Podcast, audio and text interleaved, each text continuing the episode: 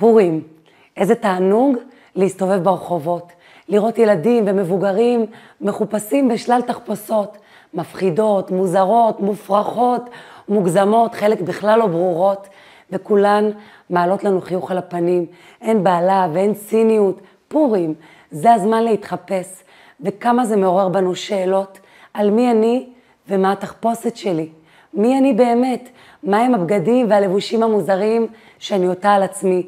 איזה מסכות אני משתמשת בחיים שלי ולמה? האם אני צריכה אותם? האם אני יכולה לוותר עליהם?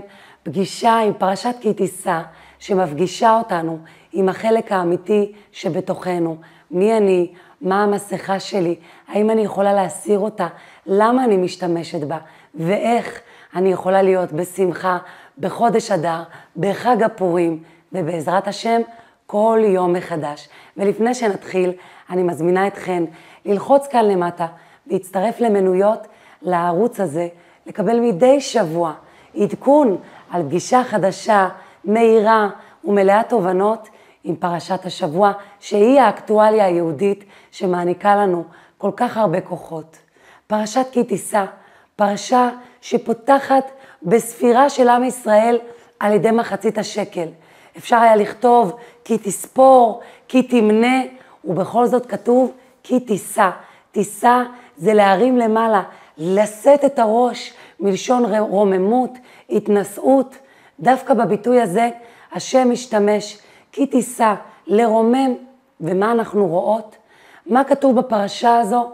מסופר בה על חטא העגל, שאין יותר נמוך מזה לספר על עם ישראל, איך עם שקיבל תורה, שזכה להתגלות אלוקית, הולך ויוצר לעצמו עגל זהב ועובד בשבילו, חוטא בחטא כל כך חמור.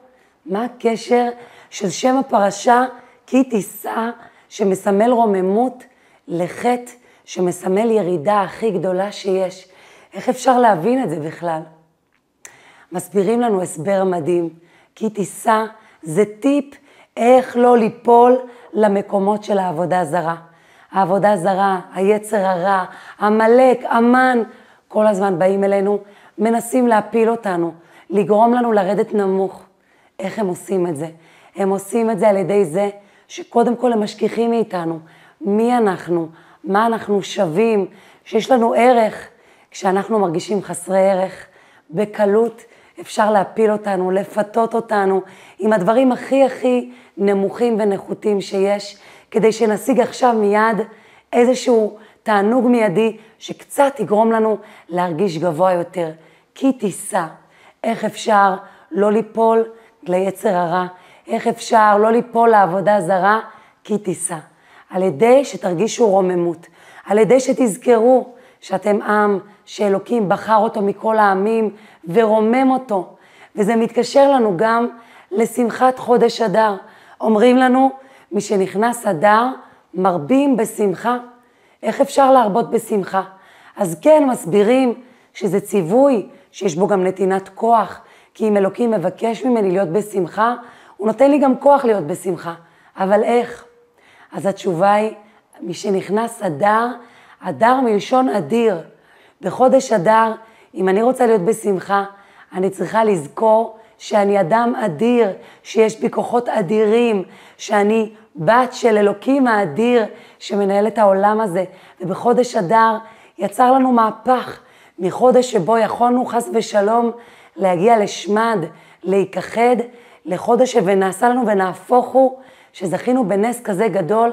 אנחנו אדירים, אנחנו בנים ובנות של אלוקים אדיר, ולכן מהמקום הזה אני יכולה להיות בשמחה. לשמוח כי על ידי זה שאני זוכרת שיש לי כוחות אדירים, שאני בת של אלוקים אדיר, וזה העניין של כי תישא, לרומם אותנו, להגיד לנו איך לא תגיעו שוב למצב של ליפול לחטא העגל, של ליפול לעבודה זרה, של ליפול ליצר הרע, שמנסה כל הזמן למכור לנו עצבות, למכור לנו את הנפילות, על ידי זה שתזכירו לעצמכם כי תישא. אני, יש בי רוממות, אני חלק מעם שהוא עם הנצח, אני חלק מעם שאלוקים בחר בו, אני חלק מעם שקיבל את התורה מהמקום הזה, ללכת בראש מורם ואז היצר לא יכול להפיל אותי כל שנייה. וכשמדברים על חודש אדר ועל חג הפורים באופן מיוחד, להזכיר לעצמי שלא רק שאני אדירה עם כוחות אדירים, בת של אלוקים אדיר, אלא שאדר מלשון א' דר. א' זה אלופו של עולם, אלוקים דר, הוא נמצא בכל מקום, בכל מצב, בכל מקום שאני מגיעה אליו, כל מצב שקורה לי, גם המצב הכי לא ברור, גם המצב שמרגיש הכי קשה, אלוקים נמצא שם, א' דר, הוא נמצא איתי שם, זה קורה לי בהשגחה פרטית, ותכף נבין גם למה. ואני צריכה לזכור שהעצבות וכל הרגשות הלא פשוטים הם מסכה שמתיישבת עליי, ואני יכולה בשנייה להוריד אותה ממני, כמו תחפושת. מי אני באמת? מה המצב הטבעי שלי? המצב הטבעי שלי הוא השמחה. המצב הטבעי שלי הוא האמונה. המצב הטבעי שלי זה להיות בחיות, להיות בהתלהבות, להיות אדם שהוא נמצא בטוב. אז מה קורה אם פתאום רע לי, אם פתאום עצוב לי, אם פתאום אני כועסת, אם פתאום אני חסרת סבלנות, אם פתאום אני בלתי נסבלת? כל התכונות האלה זה רק תחפושות, זה רק לבושים שאני יכולה להוריד בשנייה. מי שאני באמת, זה השמחה שלי, זה האמונה שלי, זה הנתינה שלי, זה הטוב שבי. ומה אלוקים מבקש? כי תישא לספור את עם ישראל על ידי מה? על ידי מחצית השקל. כולם נותנים מחצית השקל. העשיר לא ירבה והדל לא ימעיט, כולם נותנים אותו דבר. מחצית שקל. למה לתת חצי? למה לא לתת שלם? הרי מצופה מאיתנו של כל המצוות נקיים בשלמות, והמחצית השקל היא מחצית משקל שלם, שקל שלם זה 20 גרה. אז למה לא לכתוב עשרה גרה? למה מחצית שקל? למה להשתמש בביטוי הזה, שהוא חצי, הוא לא שלם? אלא כאן באה התורה להראות לנו, קודם כל מחצית השקל, שכל יהודי, כל אחת מאיתנו צריכה לזכור שבלי הקדוש ברוך הוא, בלי האמונה, היא חצי, היא אף פעם לא יכולה להיות שלמה, אף פעם לא יהיו לה כוחות שלמים. מאיפה מגיעים הכוחות השלמים? על ידי האמונה בהשם, על ידי החיבור להשם, ולכן תני מחצית השקל, זה מה שנותן לעם ישראל כופר בעד חטא העגל, שתכף נדבר עליו. שני דברים זה גורם לנו להבין. האחד, שאני בלי הקדוש ברוך הוא, אני מחצית, אני חצי, אני צריכה את האמונה, את החיבור להשם, כדי להרגיש שלמה. זה מה שנותן לי את הכוחות. והדבר השני, את האחדות של עם ישראל. בלי יהודי אחר, אני חצי. כל אחד מאיתנו הוא חצי, ורק כשכולנו נותנים, נוצר כאן שלם. נכון, אחד עשיר, אחד עני, אבל כולנו חצי. לא משנה, גם אם יש לי הרבה, עדיין אני חצי. אני צריכה את כל עם ישראל ביחד איתי, אני צריכה את האחדות כדי להרגיש שלמה. וזה מדהים איך שזה מתחבר לנו לחג הפורים. איך אנחנו יכולות להיות בשמחה בחג הפורים? מהם המצוות העיקריות של חג הפורים? שתי המצוות העיקריות, מלבד קריאת המגילה, שהיא המצווה הראשית, מתנות לאביונים ומשלוח מנות. שתי מצוות שקשורות לנתינה לאחרים, לקשר שלנו עם יהודי אחר. למה זה כל כך חשוב? זה מראה לנו כאן שני דברים עיקריים. קודם כל, המן אמר, ישנו עם אחד מפוזר ומפורד בין העמים. מה הוא הדגיש? את זה שאנחנו מפוזרים, מפורדים. אנחנו צריכים בחג הפורים להדגיש את הנקודה ההפוכה, את נקודת האחדות. על ידי מה? שאנחנו נותנים משלוח מנות, שאנחנו נותנים מתנות לאביונים. זה מה שמחבר אותנו, האחדות, הדאגה לאדם אחר. אני בנתינה, נתינה של משלוח מנות, נתינה של מתנות לאביונים, כדי להדגיש את הקשר, את החיבור, את האחדות. ויש כאן עוד משהו.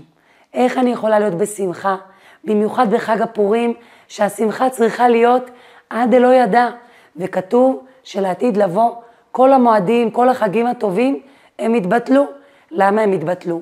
כי יש בהם את העניין של מנוחה ושמחה, וכשיבוא משיח, כל יום אנחנו נהיה במנוחה ובשמחה. לא תהיה לנו עבודה קשה מדי, תהיה לנו שמחה תמידית, תהיה לנו מנוחה תמידית, ולכן לא כל כך ירגישו את המעלה של החגים. אבל חג הפורים, הוא יישאר גם לעתיד לבוא. למה? כי מה חג הפורים מדגיש?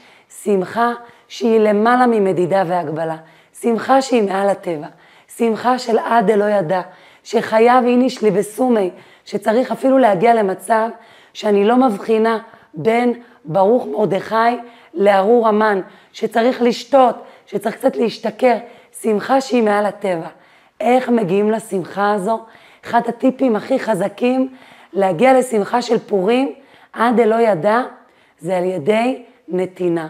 כי כשאנחנו נותנים לאחר, כשאנחנו דואגים שאדם אחר יהיה בשמחה, על ידי משלוח מנות, על ידי מתנות לאביונים, זה ממלא אותנו בשמחה עמוקה. כי אין דבר יותר משמח ומרים מלשמח אחרים. כשאני דואגת לשמח אדם אחר, כשאני נמצאת באחדות עם יהודי אחר, זה ממלא אותי בשמחה גדולה מעל הטבע. ואיך עם ישראל חטאו, איך זה קרה מה שקרה. משה רבנו הבטיח להם שתוך 40 יום הם, הוא חוזר, הם חיכו לו בחוסר סבלנות, והם בטעות ספרו גם את היום הראשון שבו הוא עלה לשמיים כיום מלא, למרות שזה היה באמצע היום וזה היה מחצית היום, ולכן כשהגיע היום ה-40 כבר לא הייתה להם סבלנות, הם לא יכלו לחכות, ומשה בושש לבוא, בושש הוא איחר, בושש גם מלשון שש. בסך הכל שש שעות הם היו צריכים לחכות. זה מזכיר גם את חטא עץ הדת.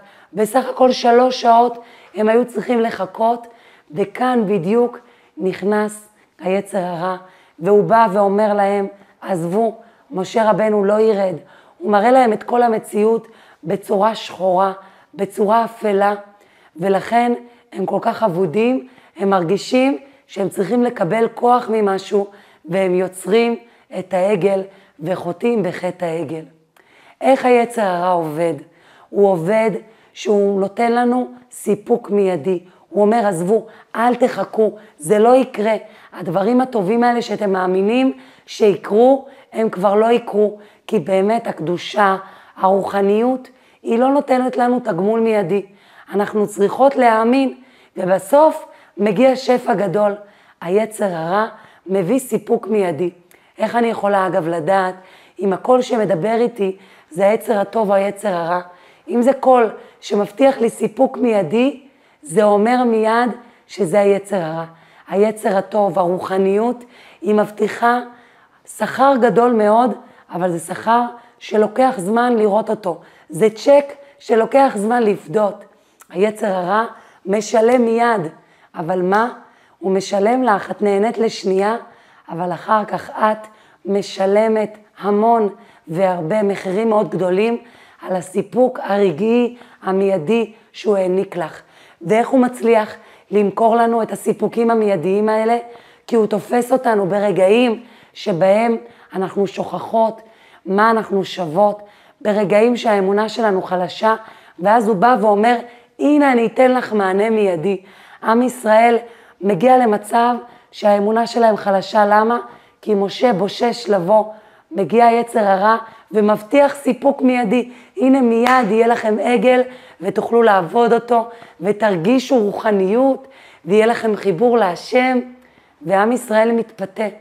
ואני צריכה לזכור שהרבה פעמים ברגעים של קטנות אמונה, ברגעים של חוסר ביטחון, ברגעים שהביטחון שלי נמוך, שאני שוכחת כמה אני אדירה, שאני שוכחת איזה כוחות אדירים יש לי, שאני שוכחת את הרוממות שלי, כי תישא שאני בת של השם, שאני בת של העם הנבחר, מגיע היצר הרע ומוכר לי סיפוקים מיידיים. הנה תעשי את הדבר הזה, ומיד יהיה לך טוב. ובאמת נהיה לי טוב לשנייה אחת, ומיד אחר, אחר כך אני מתמלאת ברגשות אשם, בנקיפות מצפון, במחשבות על למה עשיתי את זה. וכאן הקדוש ברוך הוא מלמד אותנו שיעור מדהים, על ידי זה שאומנם משה רבנו יורד ורואה אותם והוא מפיל את הלוחות והלוחות נשברים, אבל מהר מאוד עם ישראל זוכה לסליחה ולכפרה של הקדוש ברוך הוא, ומשה רבנו עולה עוד פעם להוריד להם את הלוחות השניים. הרבה פעמים, אחרי שכבר נפלתי, מה שמפיל אותי עוד פעם זה שני דברים. האחד, רגשות אשם, אני לא בסדר, נפלתי, הקדוש ברוך הוא בחיים לא יסלח לי, ומהמקום הזה אני נשארת בלופ של העבודה הזרה. אני שוב פעם חוטאת, ושוב פעם חוטאת, כי אני חושבת שהשם לא יסלח לי. אני אשמה. והדבר השני שקורה, שאני מזדהה עם החלק החוטא. זאת אומרת, במקום שאני אחשוב שמי שאני באמת זה יהודייה טובה וכשרה, נשמה אלוקית, חלק אלוקה ממעל ממש, אני חושבת שאני, זה המסכה הזאת שלבשתי לשנייה, שגרמה לי לחטוא. אני חושבת שאני באמת, זה החלק הלא בסדר, החלק הנמוך, החלק שנפל. אני חושבת שאני זה המישהי שכל הזמן נופלת. וכאן באה התורה ואומרת לי, גם אם נפלת, הנה עם ישראל נפל הכי עמוק שיש, את יכולה לקום. את יכולה לקום, ומי שאת באמת, זה החלק שקם. זה רק נדמה לך שאת כל הזמן נופלת ונכשלת, אבל מי את באמת? מי שכל הזמן קמה ומתחשלת. אני באמת, זה לא המסכה של הנפילה, של החטא, של היצר הרע הזה שעובד עליי. אני באמת, זה החלק הגבוה, הכי טיסה, שקם ומתרומם ומנסה עוד פעם וחוזר בתשובה, והקדוש ברוך הוא סולח לנו ומקבל את התשובה שלנו ונותן לנו הזדמנות לכפרה ולשינוי. ולכן משה רבנו מוריד להם לוחות שניים, ולא סתם לוחות שניים, לוחות שהם בדרגה גבוהה יותר, שיש בהם גם מדרש והגדה והלכות. ואנחנו רואות דבר מדהים, שהקדוש ברוך הוא מבקש שבארון הקדוש שבמשכן יהיו גם הלוחות השניים, אבל גם הלוחות השבורים. למה? למה להזכיר להם כל הזמן שהם חטאו? בשביל מה צריך את זה? אומר רבי שמחה בוני מפשיסחה, שאדם צריך ללכת בעולם, כשבכיס אחד שלו יש פתק שכתוב עליו, בשבילי נברא העולם, ובכיס השני פתק שכתוב עליו, אנוכי עפר ואפר. הקדוש ברוך הוא רוצה מאיתנו שילוב.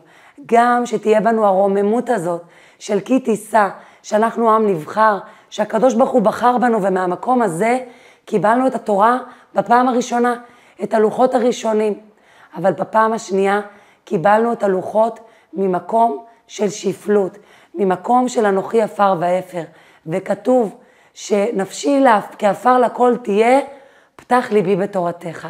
שהשפלות, המקום הזה הנמוך, מקום לא ממקום של אני לא שווה כלום, מקום שזוכר שאני רק מחצית בלי הקדוש ברוך הוא, שאני צריכה את האמונה, שאני צריכה את החיבור להשם כדי להרגיש משהו, זה אפשר להם לקבל את התורה, את הלוחות השניים, ממקום גבוה יותר.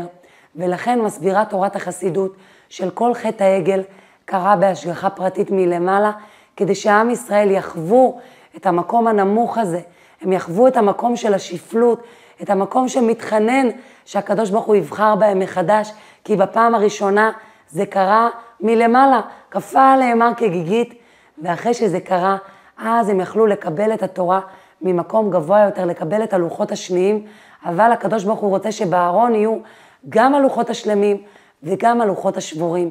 ואנחנו יכולות לקחת את זה בתור עוד שיעור לחיים שלנו. הרבה פעמים אנחנו מסתובבות עם כל מיני מסכות, אנחנו לא רוצות שידעו עלינו, שלפעמים יש לנו נפילות, שאנחנו לא מושלמות, ואנחנו עובדות מאוד קשה ביצירה של איזה מסכה של מושלמות. באה פרשת כי תישא ואומרת, עזבי, אל תתאמצי, אל תוציאו כל כך הרבה אנרגיה על מסכה של מושלמות, כי האנרגיה הזאת גונבת לנו את השמחה, היא גורמת לנו לחשוב כל הזמן, זיהו אותי, לא זיהו אותי, חושבים שאני מושלמת, לא חושבים שאני מושלמת. באה התורה ומראה לנו, גם עם ישראל לא מושלם. הקדוש ברוך הוא נתן את התורה לבני אדם, למהלכים ולא למלאכים. מהלכים הם אנשים שהולכים ולפעמים נופלים, ושוב פעם קמים ומתקנים ומתקדמים מדרגה לדרגה. גם את, לא מצופה ממך להיות מושלמת. תוותרי על המסכות האלה שלוקחות לך כל כך הרבה אנרגיות. תוותרי על המסכות האלה שגורמות לך לרצות להיות מושלמת, ועל חשבון זה לא לעשות כל כך הרבה פעולות שהיית רוצה לעשות ואת לא עושה בגלל שזה לא מושלם, ואת לא עושה כי מה יגידו. גם עם ישראל לא מושלם, ולא סתם שהוא לא מושלם, הקדוש ברוך הוא רוצה שבמקום הכי קדוש יהיו גם הלוחות השלמים וגם הלוחות השבורים. זאת אומרת, הלוחות השבורים הם סמל. כל הפעמים שנפלת, כל השברים שאת נושאת איתך בחיים, מחוויות קשות שעברת, את לא צריכה להסתיר אותם. תישאי אותם בגאון, הם חלק ממי שאת. כמו שעם ישראל עבר לדרגה גבוהה יותר בעקבות חטא העגל, ככה גם את. הנפילות שלך, הסדקים, הניסיונות, הופכים אותך להיות מי שאת. את לא צריכה מסכות, את לא צריכה להסתיר. תלכי בגאון עם מי שאת, על סך כל החוויות שעברת, כי זה מה שהופך אותך לאדם המיוחד שאת. וזה מדהים שאחד הרגעים הכי מיוחדים במגילה, והמגילה, אנחנו לא סתם קוראות אותה, כתוב שמי שקורא את המגילה למפרע, לא יצא ידי חובה. זאת אומרת, מי שקורא את המגילה בתור סיפור עתיק שלא רלוונטי לחיים שלי, הוא לא יצא ידי חובה. למה? כי מצוות קריאת מגילה היא לא סתם כל כך משמעותית, היא חלק מהשמחה שלנו בחג הפורים. איך אני אהיה שמחה? על ידי זה שאני אקרא את המגילה בתור סיפור שקורה היום, סיפור רלוונטי, לא סיפור ישן, ואני אגיד לעצמי, כמו סיפור המגילה, שמסופר לנו לפרטי פרטים, וכביכול הוא קורה בדרך הטבע. המלך הזמין אותם, ואז הם הלכו, ואז הם חזרו. כן, זה לא סיפור מעל הטבע. הכל קרה כאילו בתוך הטבע, וגזירה כל כך חזקה ומפחידה, כן, של שמד מוחלט, הפכה לנס גדול, ונהפוך הוא, אני אקרא את זה ואני אגיד לעצמי, ככה גם אני. כל הקשיים שקורים לי עכשיו, השם ברגע אחד בתוך הטבע, יכול להפוך הכל ולגרום לחיים שלי להפוך להיות נס גדול ושמח. אבל מתוך האמונה הזאת אני אשמח כבר עכשיו. האמונה הזאת תגרום לי להרגיש כוחות אדירים, הדר אדיר, ולהיות בכי טיסה, לרומם את הראש שלי, ולהיות בשמחה כבר עכשיו, כי הקדוש ברוך הוא רוצה בחג הזה שאני אהיה בשמחה הכי גדולה שיש. ומה עוד יגרום לי לשמוח? אנחנו רואות שמרדכי אומר לאסתר ללכת אל המלך ולספר לו על מה שקורה, ואסתר מסרבת. היא אומרת, ואני לא נקראתי אל המלך כבר 30 יום, וכולם יודעים שמי שהמלך לא קרא לה, היא לא הולכת אליו. ואומר לה מרדכי שני דברים. הוא אומר לה, רווח והצלה יעמוד ליהודים ממקום אחר. זאת אומרת, היהודים בכל מקרה יסתדרו. והוא אומר לה, מי יודע אם לעת כזאת הגעת למלכות.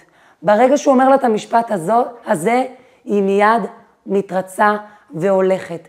מה יש במשפט הזה? מי יודע אם לעת הזאת הגעת למלכות?